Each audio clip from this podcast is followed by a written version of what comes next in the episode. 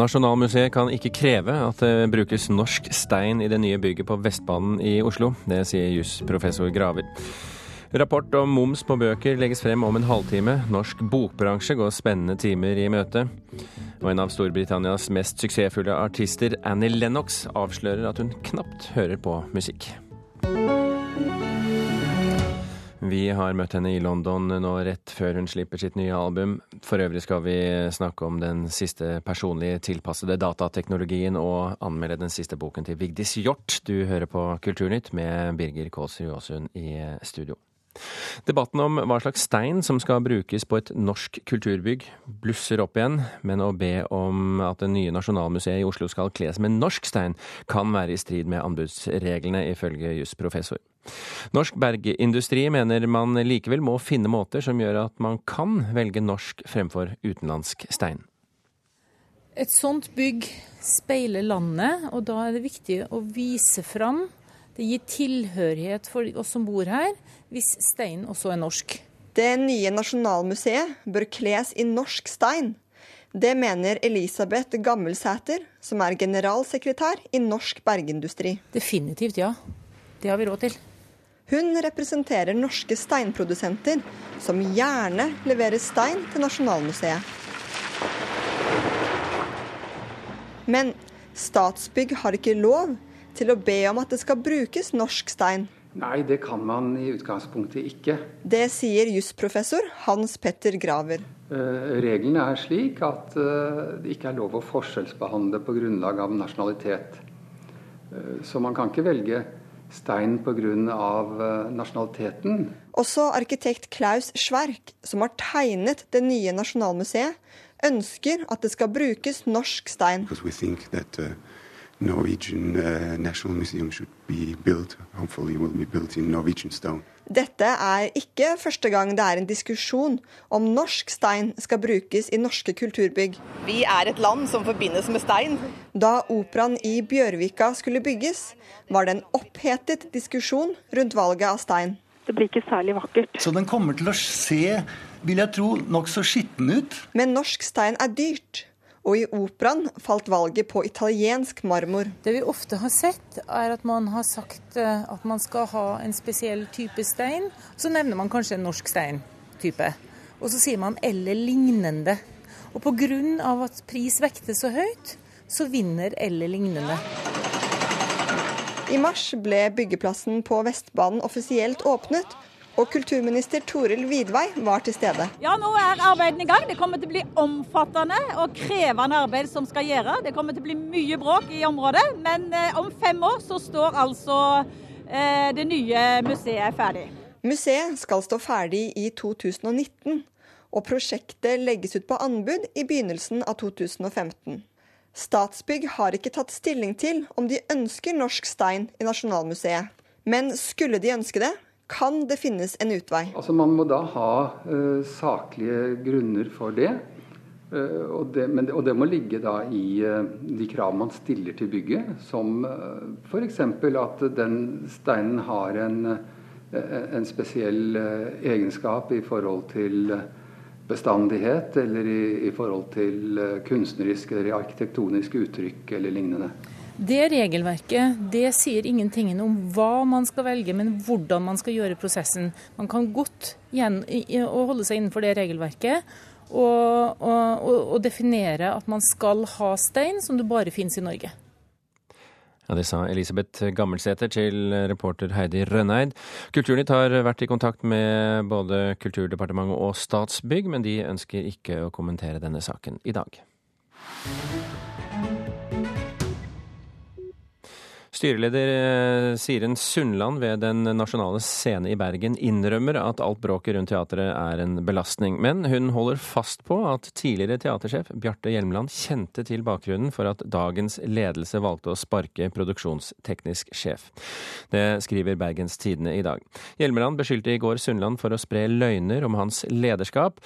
Avskjedigelsen som hans etterfølger foretok, var trolig ulovlig, har tatt flere år og kostet teatret seks millioner kroner. Apple gir bort det nye albumet til U2, 'Songs of Innocence', til brukere av eh, iTunes. Det melder Variety. Dermed blir albumet fritt tilgjengelig for over 500 millioner kunder i hele verden. PR-stuntet ble gjort kjent da gruppen opptrådte på Apples produktlansering i går. Det er ikke kjent hvor mye Apple har betalt U2 for denne avtalen. Og mer om Apples lansering litt eh, senere i sendingen. Det er kunststudentene som blant norske studenter doper seg mest. Det går frem av studentenes helse- og trivselundersøkelse for 2014.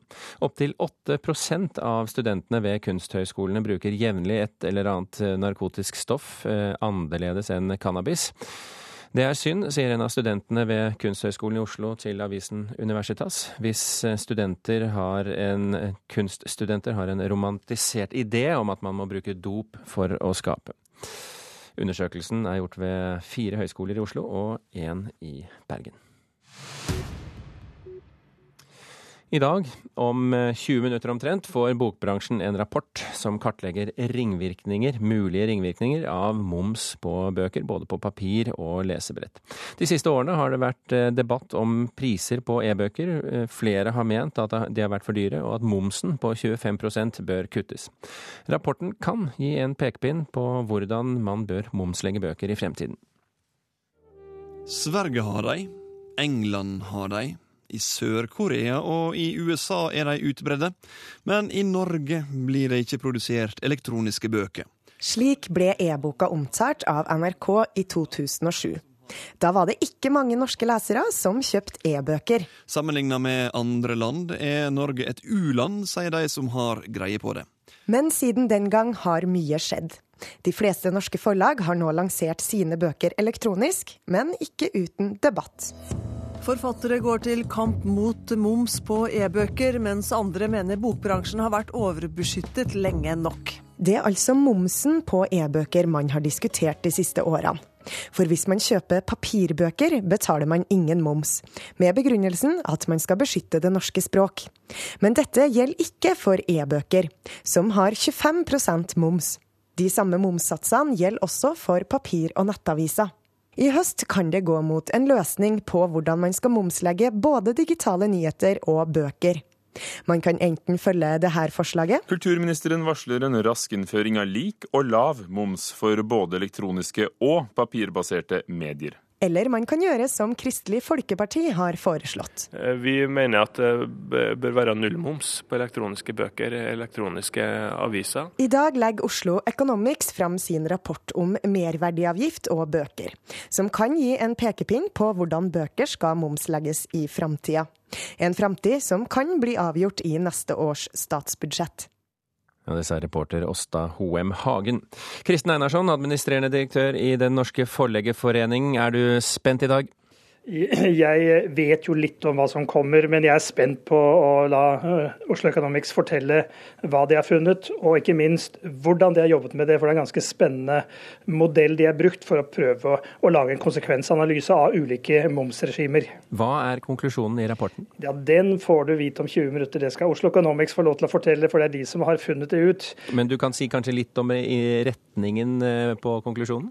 Altså Det jeg kan si, var at det vi ønsket å gjøre, var å bidra med litt fakta i denne diskusjonen. Så det eh, aktørene i bokbransjen, altså Bokhandlerforeningen, eh, Forfatterforeningene og vi i Forleggerforeningen, vi har altså bedt Oslo Economics om å gjøre følgende. Hva vil virkningen være på oppfyllelse av litterære mål som er satt for litteraturpolitikken, og hva vil være virkning på samfunnsnytten, det er altså to måter å måle på, eh, av henholdsvis å fortsette med 0 og 25% altså 0 på papir og 25 på e-bøker, det å ha null på begge og det å ha åtte på begge, som er et av forslagene som har vært fremme når det gjelder pressen. Så eh, jeg tror dette er første gang det har vært gjort et, et, et, eh, en skikkelig gjennomgang av å prøve å forsøke å forstå hva effekten vil være. og Det er det som skal presenteres i dag. og Det håper jeg kan gi grunnlag for en god diskusjon fremover. Eh, god diskusjon er nå én ting. Snart skal neste års statsbudsjett forhandles frem, eller det forhandles vel nå i disse dager. Er dette en nøye planlagt timing fra dere at rapporten legges frem nå? Ja, det, vi, vi, har vært opptatt av å få disse fakta på bordet før man bestemmer hva som skal skje på, når det gjelder bøkene.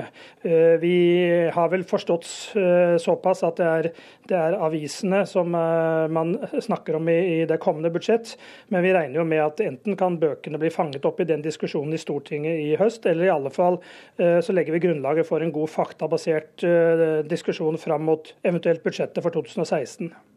Eh, hva rapporten sier er nå én ting, men eh, hvis vi tar Forleggerforeningen, eh, hva mener dere? Null moms på papir og e-bøker, eller lik moms for både papir og lesebrett? Nei, vi er ikke i tvil om det. Nå er det 45 år siden man innførte, eller, man innførte merverdiavgiften i Norge, nesten, nei, unnskyld, nesten 35 år siden. Men, og, og, da bestemte man at bøker ikke skulle ha moms, og begrunnelsen var at man ikke skulle ha skatt på det skrevne ord. Man skal altså beskytte norsk litteratur og norsk språkutvikling. Og og Det behovet kan ikke vi se er blitt noe mindre av teknologien. Snarere tvert imot. Presset på norsk litteratur og presset på norsk språk er økt eh, som en følge av digitaliseringen. Så ingen tvil. Vi mener at det er klokskap i å ha 0-0. Og så får vi se hva Oslo Economics har konkludert med når de legger frem rapporten om noen minutter. Og Statsbudsjettet kommer for øvrig 8.10. Kristin Einarsson, takk for at du var med i Kulturnytt. Klokken er eh, drøyt 14 eh, minutter over åtte. Du hører på Kulturnytt, og dette er toppsakene i Dagsnytt nå. Kriminelle utkonkurrerer de som driver lovlig. Det sier Kripos etter aksjonen mot dagligvarekjeden Lime. Det blir eh, tvungen lønnsnemnd i vaskeristreiken. Vi er veldig skuffet, sier fagforeningen Industri Energi. Arbeiderpartileder Jonas Gahr Støre er nå mer populær enn både statsminister Erna Solberg og Jens Stoltenberg har vært det siste året. Det viser NRKs siste måling. Den norske applikasjonen til mobiltelefon Early Edition vekker brukerne med værmelding og siste nytt, lest av en datastemme. Det norske firmaet Capsule FM har oppnådd suksess på det internasjonale app-markedet og toppet flere AppStore-lister. Ifølge daglig leder for firmaet er det fordi brukerne selv bestemmer hva de vil høre når de våkner. Welcome back. This is reality. You have been sleeping for six hours. Next mission the shower. Slik vekker datastemmen Miranda brukerne av appen Early Edition. Early Edition samler nyheter fra nettstedet brukeren velger ut, og formidler disse nyhetene på morgenkvisten. Nå fungerer den først og fremst som alarmtjeneste, men appskaper Espen Lystad ønsker etter hvert at Early Edition skal bli en konkurrent til tradisjonell radio. Kanskje en slags uh, radio fra fremtiden, hvor vi i stedet for å ha vanlige, hyggelige uh, radiopratere, har, uh, bruker computeren. Så vi har robotstemmer som forteller deg hva som skjer, leser nyhetene for deg, gir deg værmeldingen, introduserer musikken, eh, og som etter hvert begynner å kjenne deg ganske godt. Foreløpig fins kun de engelske datastemmene Carl og Miranda, og de norske stemmene Lillebror og Ida. Men det fins planer om å lansere tjenesten på tysk. Early Edition er blant de mest nedlastede medieappene i mange land. Vi var nummer én i UK eh, med solgte nyhetsapp i går. Jeg tror vi er i nummer én i Japan i dag. Vært nummer én nå i 25 land, 24 land. Og vekker så Som den, den morgenappen som vekker, vekker, opp folk, så vekker vi nå folk opp i 100 land. Anyways, we gathered some news for you while you slept. First a local update. It is in Norwegian. Please, will you read it for Christian? Yes, of course, I will. Hei, Christian. Her er nyheter fra Haugesunds Avis. Lystad tror grunnen til suksessen er at innholdet er tilpasset brukeren. Det vi er nyskapende på, er at vi har lyst til å ha noe, en tjeneste som bare står og snakker med deg i bakgrunnen. Og som hele tiden finner ut av, eller prøver å finne ut av hva slags informasjon du trenger. Og serverer det til deg inniblant musikken du hører på likevel.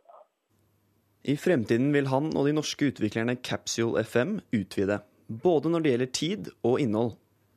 Planen er at brukerne skal få lest opp e-post og det siste fra sosiale medier når de våkner. På sikt vil de også gjøre appen til en heldagstjeneste, slik at stemmen til Miranda følger deg utover dagen. Wow, I am not sure what all that was about, but what a nice accent. Reporter her, det var Jarl Nymo.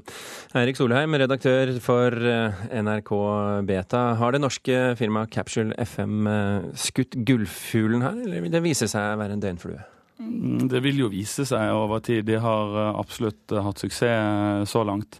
Og så kommer det an på hvordan de kan utvide, hvordan de kan gjøre den tjenesten enda bedre hvis de skal holde seg på toppen lenge. Jeg vet at du har testet denne appen som heter Early Edition. Hva syns du selv? Det er fascinerende. Jeg testet den første gang. Var ganske imponert over hvor flink den stemmen egentlig var både til å lese norsk og engelsk. Og så til slutt så ble det litt for enerverende med New Age-musikk og litt robotaktig. Og det er vel kanskje et eller annet med det syntetiske som, eh, som ble litt enerverende tidlig om morgenen. Hvor nyskapende er denne applikasjonen? Jeg har testet mye forskjellig, og eh, det som jeg syns eh, var nyskapende, var litt helheten i den. Og at den, blant annet at den klarte å lese norsk ganske brukbart, for vi er så vant til at det kommer ting som kan alle mulige andre språk, hovedsakelig engelsk. da. Ehm, så det var jeg imponert over. Og mm, en god idé. Jeg har ikke sett så mange andre apper som er tilsvarende. I går lanserte Apple eh, tre nyheter, deriblant en ny dataklokke som, eh, som Apple-sjef Tim Cook omtalte som den mest personlige produktet Apple noensinne har skapt. Er personlig tilpasset teknologi der brukeren selv definerer all bruken, er, er det fremtiden? Eh, deler av fremtiden, i hvert fall. Og eh, det er nok riktig at den eh, klokken er et veldig personlig produkt. Den har du enda tettere på deg, og den interagerer enda mer med kroppen din, på en måte. Og da vil du gjøre den mer personlig. Og så er det en fare at vi til slutt blir sittende i vår egen lille boble og bare får nyheter fra våre egne venner, og bare får nyheter som vi er interessert i selv, og ikke det som ellers skjer i verden. Av de tre tingene Apple lanserte i går, altså den, den, nye iPhonen som har fått navnet iPhone 6, deres nye betalingssystem der mobiltelefonen erstatter kredittkort eh, og, og, og, lommeboken generelt, eh, og, og, da den nye klokken som, som overvåker helsa di og hjerteslagene og kan brukes i trening osv. Hva tror du får mest å si for den digitale fremtiden?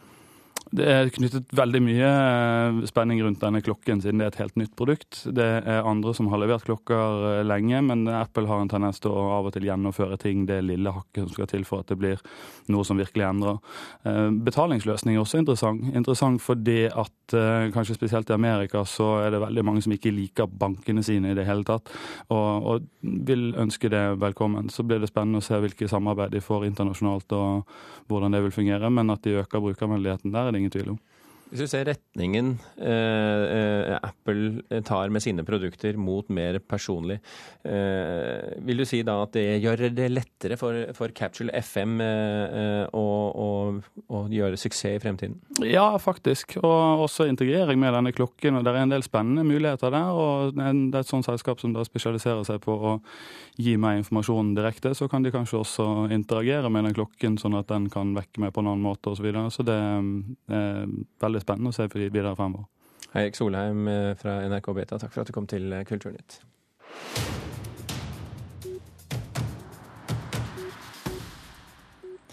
Vigdis Hjort har samlet et økende antall gode kritikker for sine siste bøker, og har de siste årene også fått både Gyllendalprisen og Kritikerprisen. Nå er hun ute med ny bok, og den har fått tittelen Et norsk hus. Og sånn jeg forstår det, Anne Katrine Straume, litteraturkritiker her i NRK, så er den, eh, det er den morsomme Vigdis Hjort vi møter her? Det er den morsomme, men også raljerende og samfunnsrefsende Vigdis Hjort. Eh, hun er morsom fordi at hun har en hovedperson som hun avslører på snedig vis hele tiden.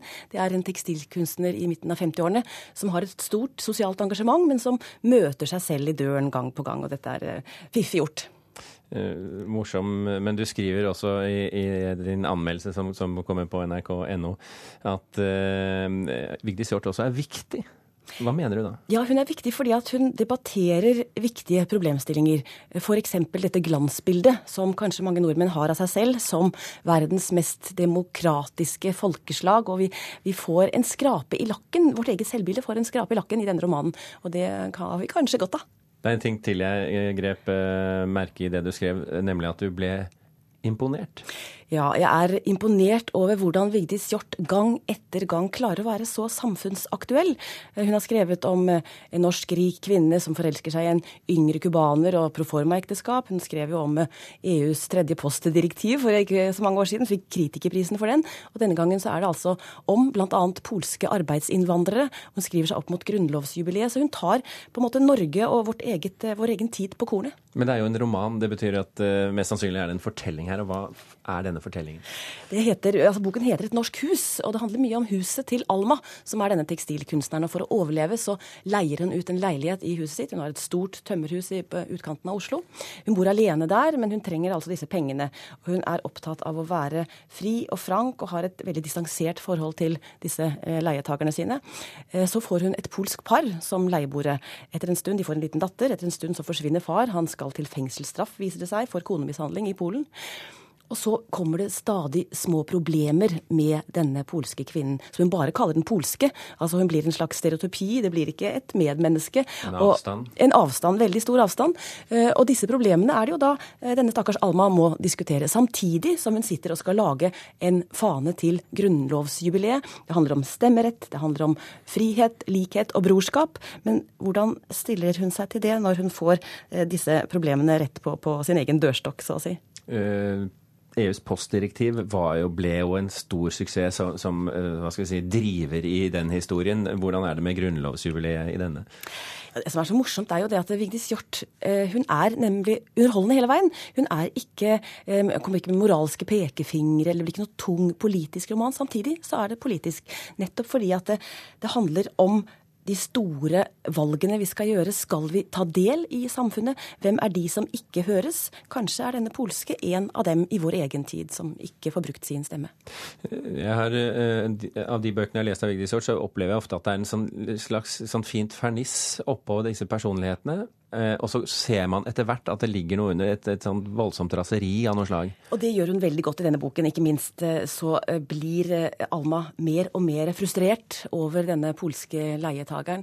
Og det som er morsomt, er at raseriet hennes, når hun endelig klarer å manne seg opp til å bli engasjert, så handler det ikke om de svakeste i samfunnet. Det handler ikke om felles goder, men det handler om henne selv som eiendomsbesitter. Altså, så, så, vi får en, en stor konflikt da, mellom de fine ideene og, og virkeligheten. Så oppsummert? Oppsummert er dette en underholdende, faktisk og meddrivende politisk og viktig roman. Anne Katrine Straume, tusen hjertelig takk for at du kom til eh, Kulturnytt. Vi skal ta turen fra norske eh, Vigdis Hjorth til britiske Annie Lennox. Hun har nemlig vært et verdensnavn i nå i over 30 år. Både som medlem i bandet Eurythmics og som soloartist. Hun har solgt 83 eh, millioner plater verden over. Men musikkinteressert som man skulle tro at hun er, avslører hun i dag for Kulturnytt at hun knapt hører på annen musikk enn den hun jobber med selv. På et hotellrom i underetasjen på Portobello Hotel, midt i Vest-Londons fasjonable Notting Hill, sitter Annie Lennox på en stol. Den Annie Lennox som slo igjennom for 31 år siden som en del av duoen Eurythmics. Den Annie Lennox som fortsatte som soloartist og som til nå i karrieren har solgt 83 millioner album verden over. Den Annie Lennox som skal snakke om en ny plate som kommer om en måned. Den Annie Lennox som forteller at hun knapt hører på musikk. What do you listen to yourself these days? I really don't listen to music very much. And I know that sounds unusual, but the fact is that I'm a music maker. And so I've been so involved in creating music. And when I was making this album, all I ever listened to is, is, the, is the music that I'm working with. And so when I go home, it's like I want, I want peace and uh, quiet. Jeg vet det høres uvanlig ut, sier Anne Lennox til Kulturnytt, men skynder seg å legge til at siden hun lager musikk, er hun så involvert i det at det eneste hun hører på, er de innspillingene. Når hun kommer hjem, ønsker hun å ha det stille og rolig. Hun har mer enn nok musikk som det er i hodet, sier hun, og de sangene dukker da også opp på radio. Ja, det var en ny plate, da. Nostalgia heter den, eller Nostalgia om du vil. Den kommer i oktober, består av tolv sanger, og før du håper på at det handler om gamle, egne sanger fra 80-tallet som kommer tilbake, så nei. Hun lever ikke på 80-tallet lenger. I mean, I'm not living in the 80s anymore. I mean, those songs were then, and they're great. Some of those songs have lasted, you know, really through time. And occasionally something will come on the radio, let's say, and randomly I, I hear something of Eurythmics. Nei, hun har gått mye lenger tilbake i tid for denne platen. Til klassikere som 'Summertime' fra George Gershwins Porgy and Bess, som Hoji Carmichaels 'Georgia On My Mind', som Billie Holidays 'Strange Fruit' fra 1937 det handler om å gjøre noe hun aldri hadde gjort før.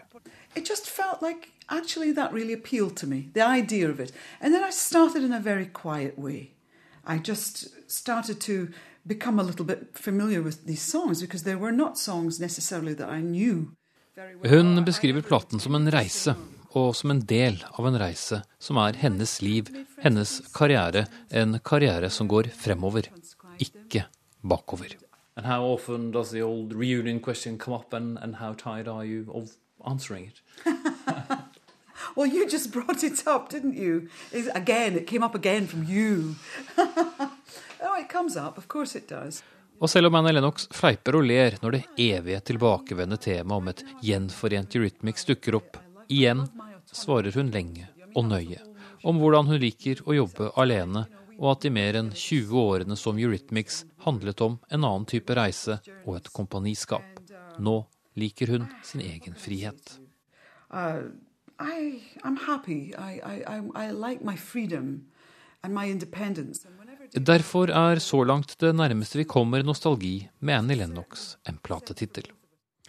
Og platen Nostalgia slippes 27. oktober. Kulturnytt er slutt, men for å oppsummere det vi har fortalt i dag, så kan vi si at jusprofessor Hans Petter Graver mener Nasjonalmuseet neppe kan kreve at det skal brukes norsk stein i det nye bygget på Vestbanen. Vi fortalte også om eh, rapporten som eh, kommer nå. i i dette øyeblikk, så å si, og med moms på bøker som legges eh, frem. Det kan du høre mer om i Dagsnytts sendinger utover eh, formiddagen. Kulturnytt fikk du i dag av Hilde Tosterud, Thomas Alvarstein Ove og Birger Kolsrud Jåsund.